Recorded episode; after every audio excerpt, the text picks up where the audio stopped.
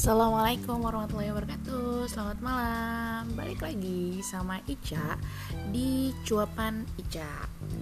Hari ini kita akan bahas beberapa hal. Tapi sebelumnya aku mau nanyain Apa kabar kalian semuanya? Masih sehat-sehat kan? Semoga selalu sehat-sehat. Masih di rumah aja kan? Nggak udah mulai berani keluar kan? Soalnya kenapa aku tanya kayak gitu gitu ya? Karena aku aku orang yang masih ada di jalanan gitu ya masih kerja setiap hari gitu. Dan aku lihat seminggu ini selama aku kerja itu jalanan full macet lagi. Sementara kalau misalkan aku bandingin dengan minggu lalu dan minggu sebelumnya itu tuh beneran sepi. Bahkan dari rumahku ke kantor yang jaraknya hampir 30 km itu bisa aku tempuh dengan hanya setengah jam. Tapi seminggu ini luar biasa. Orang-orang sudah mulai penuhin jalanan gitu. Oke mungkin memang ada yang kantornya menganggap bahwa ya sudah cukup. WFH-nya dua minggu kemarin aja. Peringatan pertama selesai walaupun pemerintah minta diperpanjang tapi mungkin kantornya tidak bisa diperpanjang jadi ya nggak masalah kalau misalkan kalian terpaksa. Tapi tapi please bagi kalian yang memang udah WFH gitu ya udah dikasih keringanan untuk di rumah aja udah tersedia semua kebutuhan gitu ya walaupun ya nggak semua kebutuhan juga tersedia gitu ya. Tapi seenggaknya kalian bisa di rumah aja please guys stay at home ya. Karena kenapa? Karena ya aku kaget aja ketika ngelihat jalanan kok jadi padat lagi gitu ya. Ngelihat tempat-tempat kok jadi padat lagi gitu ya. Takut aja kalau misalkan ada satu positif terus akhirnya kena semuanya dan semakin banyak gitu ya. Hari ini aku akan bahas empat hal. Yang pertama aku akan bahas tentang update kasus seperti biasa. Yang kedua banyak pertanyaan nih ke aku dan banyak banget berita-berita yang aku terima dari berbagai macam media gitu ya. Soal tentang stigma. Stigma ketika ada seseorang yang positif di lingkungan kita. Apa sih yang harus kita lakukan ketika ada salah satu tetangga kita yang positif corona atau ODP atau PDP gitu? Itu yang akan aku bahas sekarang Kemudian aku juga akan bahas tentang gimana sih kalau misalkan di lingkungan sekitar kita gitu ya ada tempat yang dijadikan kuburan untuk korban corona gitu. Apakah kita harus takut atau ya udah slow aja gitu. Itu akan aku bahas berikutnya. Dan yang keempat aku akan bahas tentang masker for all gitu ya. Itu berhubungan dengan instruksi dari gubernur terbaru. Nah, yang pertama aku akan bahas tentang update kasus. Sama ya, kapan pun aku bikin podcast aku akan bahas tentang update kasus. Kenapa? Kita boleh guys berhenti nonton berita-berita yang menakutkan tentang corona itu boleh banget gitu ya. Tapi kita harus update tentang jumlah terkini berapa sih orang yang udah kena corona gitu. Kenapa gitu? Karena memang kita harus tahu dan kita harus tetap waspada apa yang terjadi? Mungkin karena memang banyak orang-orang yang sudah nggak baca berita tentang corona gitu ya karena takut bikin cemas takut jadi panik takut jadi nggak bisa tidur gitu ya akhirnya nggak menyentuh sama sekali berita tentang corona. Akibatnya apa? Kewaspadaannya pun mulai menurun. Itu yang aku takutkan. Makanya mungkin sekarang udah banyak yang berani keluar gitu. Ya tapi kan kak keluarnya cuma makan aja di deket uh, kosan gitu.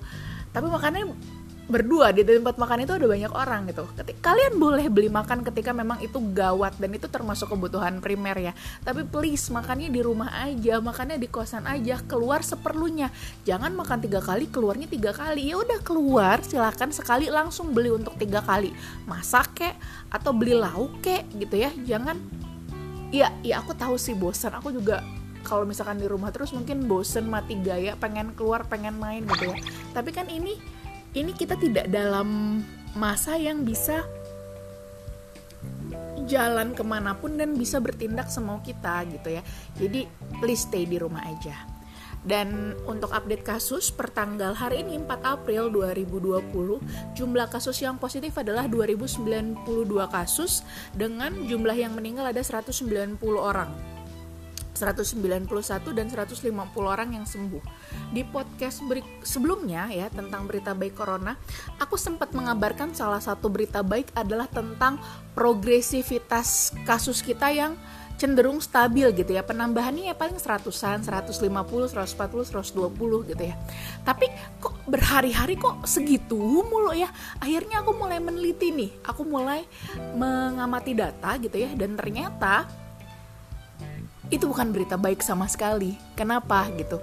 Karena data data jumlah spesimen yang diambil pun itu nggak banyak gitu makanya ya positif cuman segitu karena memang keterbatasan kemampuan laboratorium kita keterbatasan uh, balik bangkes kita gitu. Jadi sebenarnya mungkin harusnya ketika memang semakin banyak yang diperiksa, semakin banyak spesimen yang diambil, semakin banyak hasil swab yang diperiksa, mungkin akan semakin banyak yang ketahuan positif. Mungkin kenaikannya bisa 2, 3 atau 10 kali lipat gitu. Ketika memang laboratorium kita sudah mumpuni gitu tapi sayangnya selama hampir seminggu ya hampir seminggu atau lebih ya belakangan kenaikannya kok stagnan terus 100 padahal saya yakin saya yakin banget bahwa nggak mungkin cuma 100 pasti pasti akan berkali-kali lipat lebih banyak. Dan uh, insya Allah gitu ya per minggu ini atau minggu depan gitu ya akan semakin banyak laboratorium akan semakin banyak pemeriksaan yang dimodifikasi gitu ya sehingga semoga gitu semakin banyak lagi yang akan terdeteksi gitu. Jadi mungkin dalam minggu-minggu depan akan ada lonjakan kasus yang banyak tapi kita nggak usah cemas kita nggak usah khawatir. Itu adalah kabar baik juga karena e, pemerintah kita sudah memfasilitasi dan sudah memperluas cakupan pemeriksaan kita gitu. Jadi semakin banyak yang bisa terdeteksi semakin banyak yang bisa diterapi secara dini gitu ya. Nggak terlambat lagi ketahuannya gitu guys. Itu baru bahas yang pertama. Nah aku membahas yang kedua. Apa yang kita lakukan kalau misalkan ada dari tetangga kita yang positif corona? Dua minggu belakangan ini ya dua minggu belakangan ini gitu ya ketika ada satu orang yang positif di lingkungan kerja aku gitu ya sebutlah di satu RT atau di satu RW satu orang yang positif corona dan aku nggak tahu sebenarnya warga sekitar tuh tahu dari mana orang itu positif corona apa enggak gitu. Karena kadang kami sendiri yang periksa tuh nggak tahu gitu. Jadi tahu pun ya udah cuman dikip sampai sampai kita sama pasien aja gitu. Sampai akhirnya kasusnya beberapa minggu lalu deh kalau nggak salah gitu ya.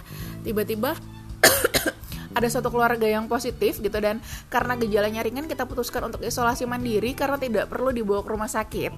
Lalu kemudian entah gimana semua warga tahu di lingkungannya tahu bahwa keluarga itu positif gitu ya dan akhirnya mereka semua berkumpul sel nggak tahu kumpulnya di depan rumahnya atau di pos atau di mana gitu dan menuntut lah menuntut uh, pemerintah untuk ngirim mereka ke rumah sakit gitu untuk mengisolasi mereka di tempat lain karena mereka takut takut apa takut ketularan Bayangin, ngumpul-ngumpul, physical distancingnya udah nggak ada, social distancingnya udah nggak ada. Apalagi kalau misalkan emang beneran mereka kumpul di rumah, di depan rumah pasien yang positif ini ya, apa yang akan terjadi gitu. Justru kegiatan mereka yang kumpul-kumpul inilah justru yang memacu akan terjadinya penularan besar-besaran. Tapi gini guys, kalian harus tahu bahwa sekarang bahkan ada istilah baru bukan cuma ODP, PDP dan suspek dan konfirmasi kasus positif gitu ya. Ada lagi istilah OTG, orang tidak bergejala. Misalkan dia positif tapi dia tidak bergejala yang kita bilang kemarin karir gitu ya. Itu bisa aja gitu. Nah, OTG, ODP, PDP ketika dia masih gejala yang ringan, artinya apa? Oke okay, dia infeksi saluran pernafasan, demam, batuk, pilek atau nggak ada gejala sama sekali. Pokoknya intinya ketika gejalanya masih ringan, kita nggak akan bawa dia ke rumah sakit. Kenapa? Rumah sakit kita sudah over capacity, guys. Bayangin kalau misalkan semua pasien corona yang positif dibawa ke rumah sakit, rumah sakit udah full ketika ada satu pasien yang emang udah kondisinya gawat, yang harusnya butuh tempat di rumah sakit itu malah nggak dapet gitu. Padahal orang-orang lain yang positif itu masih bisa nggak di rumah sakit. Itu yang sekarang terjadi gitu. Makanya sudah ada perubahan tata laksana corona selama minggu lalu kalau nggak salah atau dari minggu sebelumnya saya lupa bahwa memang ketika dia positif sekalipun atau ketika dia ODP, OTG atau PDP ketika tidak ada gejala yang berat, gejala yang berat tuh berupa sesak nafas sampai nafasnya cepet banget, cukup isolasi mandiri di rumah dan dipantau sama petugas puskesmas. Udah gitu aja. Kenapa?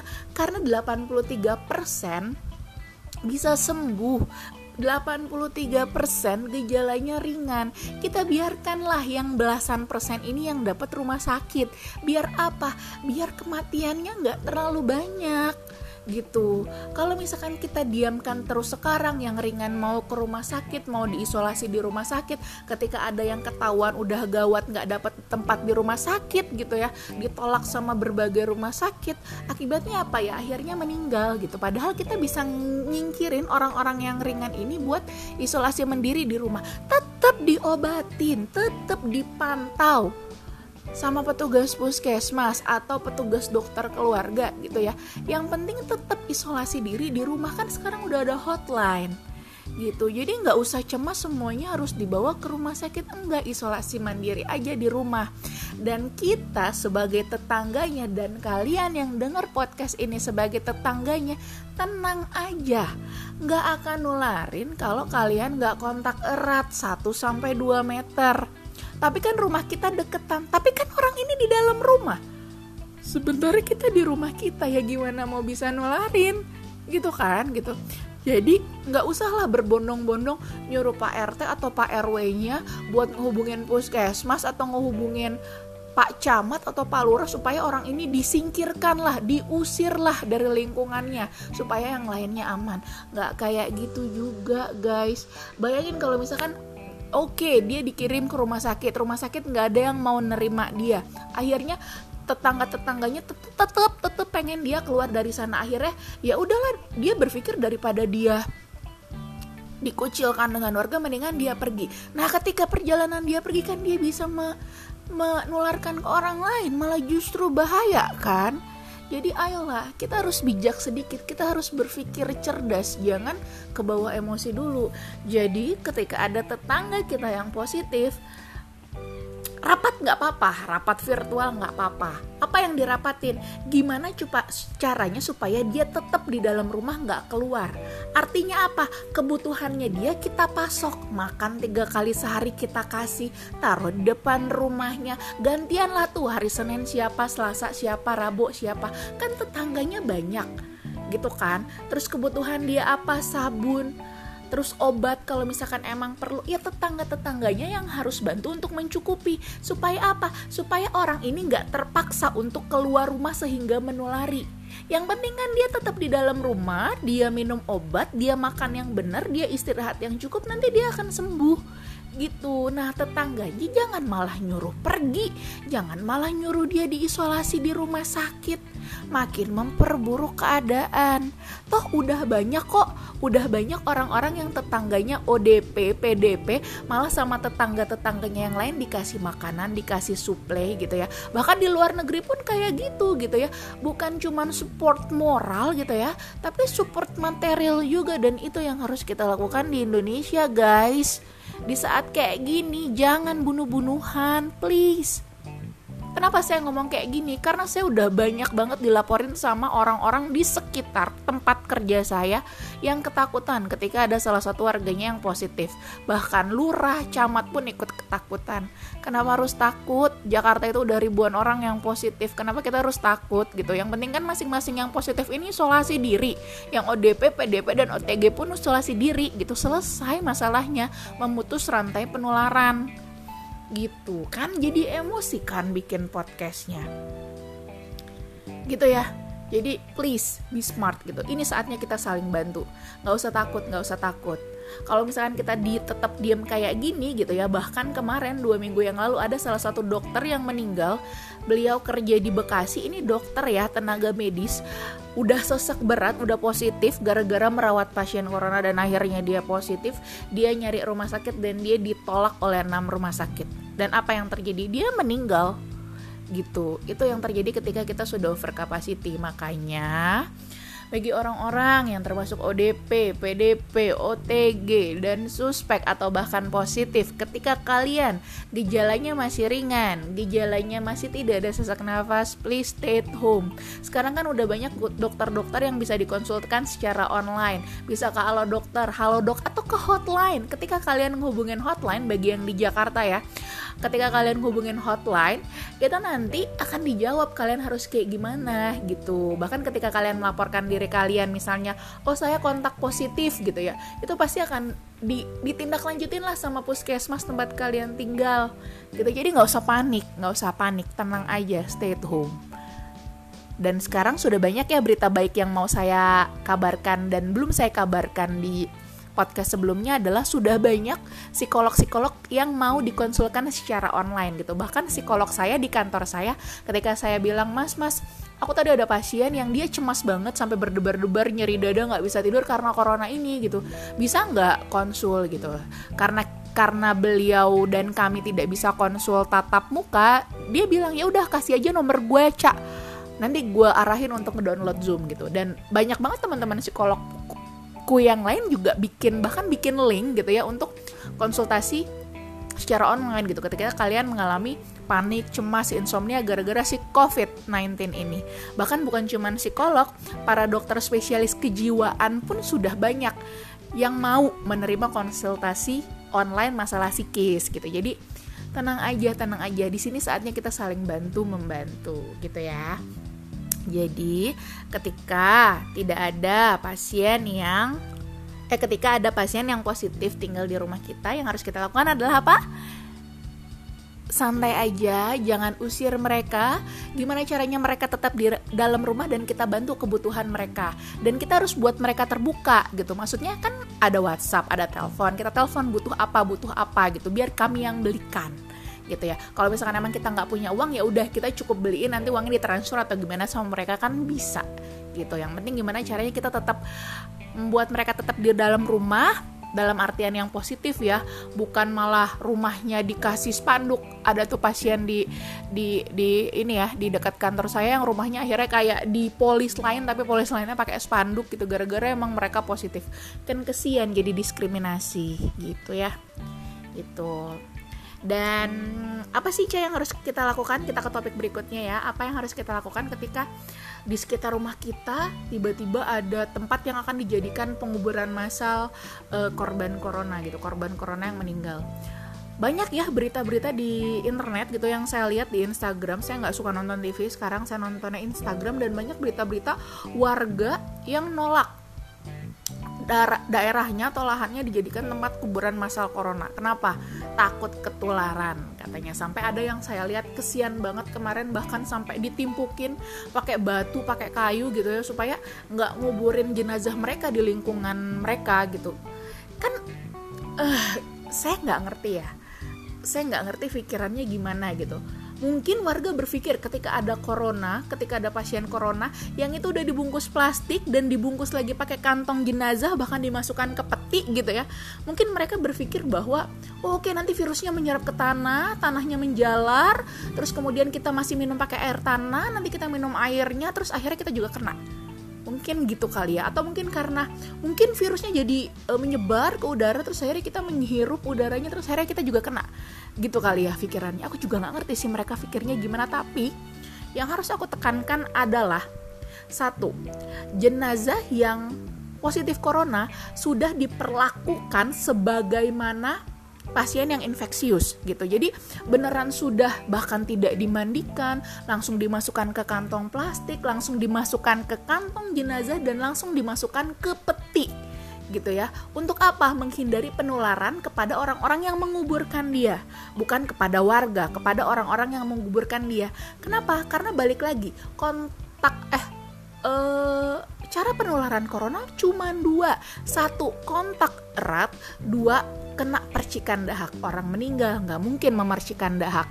Kontak oke okay, mungkin gitu. Makanya untuk melindungi orang-orang yang menguburkan mereka ya jenazahnya diperlakukan seperti itu gitu. Dan nggak boleh ada pelayan dan ketika dia sudah dikuburkan selama beberapa jam 6 sampai 7 jam itu itu virus corona udah mati di dalam badannya. Jadi ketika misalnya akhirnya nanti jadi bangkai menyerap ke tanah jadi air dan lain-lain ya udah nggak akan nularin virusnya udah mati. Virusnya itu butuh inang hidup untuk hidup juga gitu. Ketika dia di dalam mayat 6 sampai 7 jam udah meninggal. Makanya kenapa keluarganya tidak boleh mengurus jenazahnya? Kenapa keluarganya tidak boleh melayat gitu? Karena saat itu memang masih bisa menularkan ketika kontak erat. Kemarin ada berita ya satu jenazah pasien corona dibawa pulang paksa sama keluarganya pakai mobil pribadi kemudian dicium-cium gitu ya. Akhirnya keluarganya juga tiba-tiba muncul gejala. Saya nggak tahu tuh konfirmasinya kasus keluarganya gimana gitu. Tapi yang jelas pada topik ketiga ini please bijak lagi. Nggak apa-apa nggak apa-apa ketika ada lahan yang dipakai untuk penguburan orang corona tuh nggak apa-apa karena emang kita butuh banyak lahan untuk nguburin para korban-korban corona ini gitu dan tidak akan menularkan ketika kita tidak mengikuti proses pemakaman. Dan selama 7 jam setelah dimakamkan atau setelah mayatnya meninggal dia sudah akan mati. Jadi please be smart be wise guys. Nggak ada lagi ya nanti nolak-nolak jenazah corona di apa namanya dikuburkan di lingkungannya sampai akhirnya petugas itu salah satu yang ikut nguburin itu itu pasti ada petugas medisnya gitu. Jadi jangan sampai malah dilemparin. Kemarin bahkan ada yang protes si petugas uh, yang mau nguburin. Ini kita juga manusia kita juga nggak infeksius tapi kenapa kita malah yang dilemparin gitu. Itu sedih banget ngelihatnya dan seperti yang saya cerita di podcast entah kapan saya lupa bahwa Iran, Italia dan negara-negara dengan kematian tinggi itu membangun kuburan massal di mana-mana untuk korban corona ini. Kalian tahu nggak sih guys, pasien yang meninggal karena corona ini, mereka tuh udah nggak ketemu sama keluarganya ketika dia didiagnosis corona dengan gejala yang berat ketika dia masuk rumah sakit dia sudah tidak ditungguin keluarganya. Masuk ICU pun tidak ditunggui sama keluarganya. Yang menemani mereka adalah para tenaga medis. Akhirnya ketika mereka meninggal keluarganya tidak bisa melihat si pasien ini. Keluarganya tidak bisa memperlakukan jenazahnya sebagaimana agama menyarankan. Keluarganya tidak bisa menemani sampai kuburannya gitu ya. Dan janganlah malah kita tambah kesedihan keluarga dan kesedihan, kesedihan almarhum gitu dengan menolak mereka untuk dikuburkan. Itu sedih banget guys. Gitu ya. Ini kenapa jadi podcastnya ngegas terus ya? Nggak ngerti lah. Pokoknya ya itu yang yang disayangkan sih di tengah wadah corona ini gitu. Dan uh, yang terakhir gitu ya terakhir saya baru dapat himbauan dari gubernur entah saya nggak tahu kalau pemerintah pusat atau Kemenkes ya tapi uh, karena saya kerja di Jakarta jadi saya dan kerja di bawah Pemda gitu ya jadi saya uh, terpapar banget nih kebijakan-kebijakan gubernur. Dan ada kebijakan baru dari gubernur Anies Baswedan gitu ya bahwa mulai sekarang semua orang baik sehat baik sakit baik tenaga medis atau non tenaga medis ke mana-mana jika memang harus keluar itu wajib pakai masker kenapa gitu ya kemarin tuh sempat ada yang beredar video dari salah satu warga Republik Ceko gitu ya kenapa sih angka penularan corona angka kasus corona mereka rendah gitu karena ketika sudah mulai ada kasus corona pemerintahnya langsung mewajibkan seluruh warga Ceko untuk pakai masker. Mau sakit mau nggak sakit, pokoknya ke mana pun harus pakai masker. Dengan masker, mulut ketutup, hidung ketutup di, ketika dia yang sakit dia tidak akan yang mengeluarkan. Ketika sekitarnya sakit dia tidak akan tertular. Makanya kenapa angka positif coronanya mereka rendah banget. Dulu waktu awal-awal ada kasus corona di Indonesia pemerintah kita memang menghimbau yang pakai masker itu yang sakit aja atau tenaga medis aja. Kenapa? Karena kalian semua panik buying guys. Masker diborong ke mana-mana. Akibatnya kami tenaga medis yang butuh masker nggak kedapetan. Makanya pemerintah menghimbau ketika kalian sehat nggak usah pakai masker. Tapi sekarang ketika negara-negara lain dengan angka kasus corona sudah angka kasus corona rendah sudah membuktikan bahwa salah satu penyebab utama mereka. Angka coronanya rendah adalah karena mereka sudah mewajibkan masker ke mana-mana. Pemerintah kita mengadaptasi. Jadi mulai sekarang mau kalian sakit mau kalian sehat tenaga medis atau non tenaga medis ke mana-mana pakai masker dan gak usah masker bedah masker bedah itu khusus untuk tenaga medis aja. Kalian yang non tenaga medis pakai masker kain biasa lebih murah reusable bisa dicuci pakai. Kalian beli tiga aja sehari habis pakai cuci pakai yang baru jemur yang dicuci besoknya pakai yang baru lagi besoknya kan yang kemarin dicuci udah kering gitu. Cukup 10 ribu kalian udah dapat tiga masker kain gitu. Dan itu bisa kok memotong penularan sampai 70% dan ketika kalian sudah pakai masker kain gitu ya permintaan masker bedah menurun insya Allah produksi dan permintaan akan selaras gitu. Dan harga juga bisa turun nggak mencekik banget gitu. Jadi ayo ke mana-mana pakai masker baik yang sakit yang sehat terutama bagi yang masih aktivitas di luar ya yang masih terpaksa banget harus ke keramaian gitu. Jadi harus pakai masker nggak usah lah pakai sarung tangan nggak usah lah pakai APD pakai hazmat belanja di Lotte Mart nggak usah. Kenapa? Ya buat apa? Kalian cukup cukup pakai masker terus kemudian kalian sering-sering cuci tangan jangan sering-sering megang muka itu lebih aman. Daripada kalian pakai APD kalian merasa aman padahal justru mungkin malah membuat heboh membuat APD semakin langka dan justru buat kalian tidak aman sebenarnya gitu ya. Jadi please be wise lagi. Dan untuk menutup podcast kali ini aku mau ngingetin buat teman-teman yang buat chamber desinfeksi ya atau memakai chamber desinfeksi. Memang chamber desinfeksi ini masih kontroversial banget gitu ya uh, karena memang baru ada apa namanya surat edaran dari Kementerian Kesehatan yang tidak menganjurkan pembuatan chamber. Kenapa? Karena semua orang bikin lomba-lomba bikin chamber desinfeksi dengan bahan-bahan berbahaya seperti apa bahan clean, klorin gitu ya, atau bahan alkohol yang tidak direncerkan atau bahan wipol gitu yang memang mengiritasi kulit dan penggunaan jangka panjang bisa karsinogenik.